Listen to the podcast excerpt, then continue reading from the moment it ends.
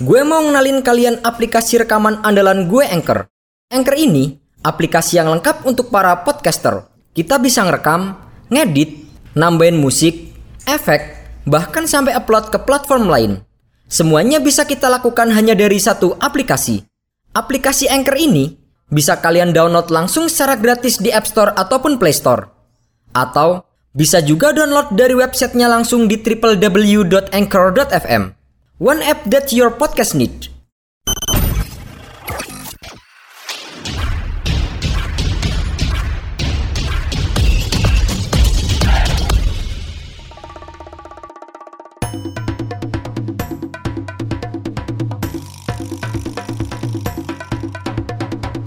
Kini Podcast Network.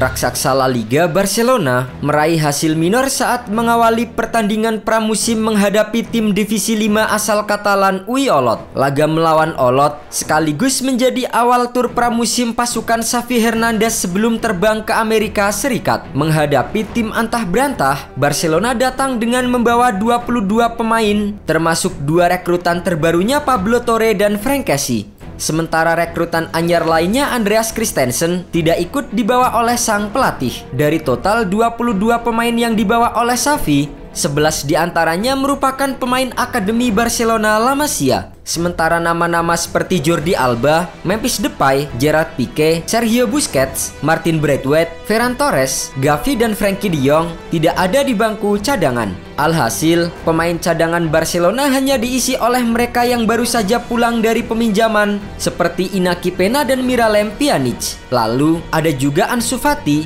Pedri dan Alex Colado. Di starting line up, Xavi memasang Mark Andre Ter Stegen di bawah Mister Gawang dengan didampingi oleh dua back tengah Mika Marmol dan Arnau Casas. Adapun Frank Casey dimainkan sejak babak pertama dalam trio gelandang bersama dengan Pablo Torre dan Nicolas Gonzalez. Di posisi penyerang, Pierre-Emerick Aubameyang yang menjadi tumpuan didampingi oleh Abde Samad El dan Ilyas Akomats di sisi kiri dan kanan. Sementara tuan rumah Olot menerapkan formasi 5-4-1 dengan mengandalkan Ferran Bruges sebagai penyerang tunggal. Sejak wasit meniup peluit pertandingan, laga dua tim Katalan beda kasta itu berjalan dengan tempo yang sedang. Baik Olot dan Barcelona sama-sama mengandalkan serangan dari pemain sayap mereka. Namun, Barcelona yang tampil lebih dominan akhirnya berhasil membuka skor lebih dulu lewat tendangan Pierre-Emerick Aubameyang. Pemain asal Gabon itu berhasil mencetak gol lewat tendangan chip pada menit ke-28. Memanfaatkan umpan dari Ter Stegen, mantan pemain Arsenal itu melepaskan tembakan dari luar kotak penalti yang tak mampu dijangkau oleh kiper Olot Albert Batala. Sayangnya, keunggulan satu gol Barcelona tidak mampu bertahan dengan lama. Pelanggaran Mika Marmol terhadap satu pemain Olot di dalam kotak terlarang membuat wasit menunjuk titik putih. Eloy Amagat yang maju sebagai eksekutor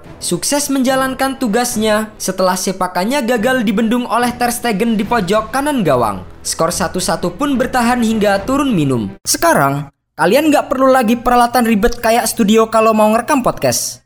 Semuanya bisa kalian lakukan dari smartphone kalian menggunakan Anchor. Anchor bisa kalian download secara gratis di App Store ataupun Play Store. Mudah banget kan? Di Anchor, Kalian gak hanya bisa ngerekam audio, tapi kalian juga bisa ngedit langsung di sini. Gak sampai di situ, Anchor juga dapat mendistribusikan konten kamu ke platform lain seperti Spotify, Apple Music, dan lain-lain. Keren kan? Satu aplikasi untuk semua kebutuhan. Daripada kalian makin penasaran, mending langsung aja download Anchor sekarang. Oh iya, Anchor ini gratis loh. Di babak kedua, Xavi Hernandez merotasi hampir semua pemainnya dan memasukkan nama-nama seperti Inakai Pena, Pjanic, Pedri, Ansu Fati dan Alex Colado. Namun sayang, meski mendominasi penuh jalannya pertandingan babak kedua, Barcelona gagal menambah gol ke gawang Olot. Padahal sepanjang pertandingan, sepanjang pertandingan Barcelona tercatat mendapatkan 8 sepak pojok. Skor 1-1 pun bertahan hingga laga bubar. Meski tidak diperkuat oleh mayoritas tim utama, hasil imbang 1-1 melawan tim yang berada di level cukup jauh di bawah Barcelona adalah sebuah pencapaian yang buruk. Namun, Barcelona saat ini masih memiliki banyak waktu untuk memperbaiki performa mereka jelang tur ke Amerika Serikat. Barcelona akan bertolak ke Amerika Serikat dan menjalani serangkaian pertandingan uji coba seperti melawan Inter Miami pada 20 Juli 2022, Real Madrid pada 24 Juli, Juventus 27 Juli, dan New York Red Bull pada 31 Juli 2022. Setelah itu, Barcelona juga akan berhadapan dengan Pumas Unam dalam laga trofi Juan Gemper pada 8 Agustus 2022. Tur pramusim akan diakhiri dengan laga uji coba melawan Manchester City pada 25 Agustus 2022. Untuk menambah amunisi di musim 2022-2023, Barcelona dikabarkan telah sepakat dengan pemain Leeds United Rafinha dan juga kontrak baru untuk Osman Dembele. Barcelona dikabarkan akan mengumumkan transfer Rafinha dan perpanjangan kontrak Osman Dembele pada pekan ini. Kabar tersebut disampaikan langsung oleh Presiden Blaugrana Joan Laporta. Rafinha tinggal selangkah lagi bergabung ke Barcelona. Pemain Brazil itu sudah tiba di Barcelona pada Rabu 13 Juli 2022 dan akan menjalani serangkaian tes medis.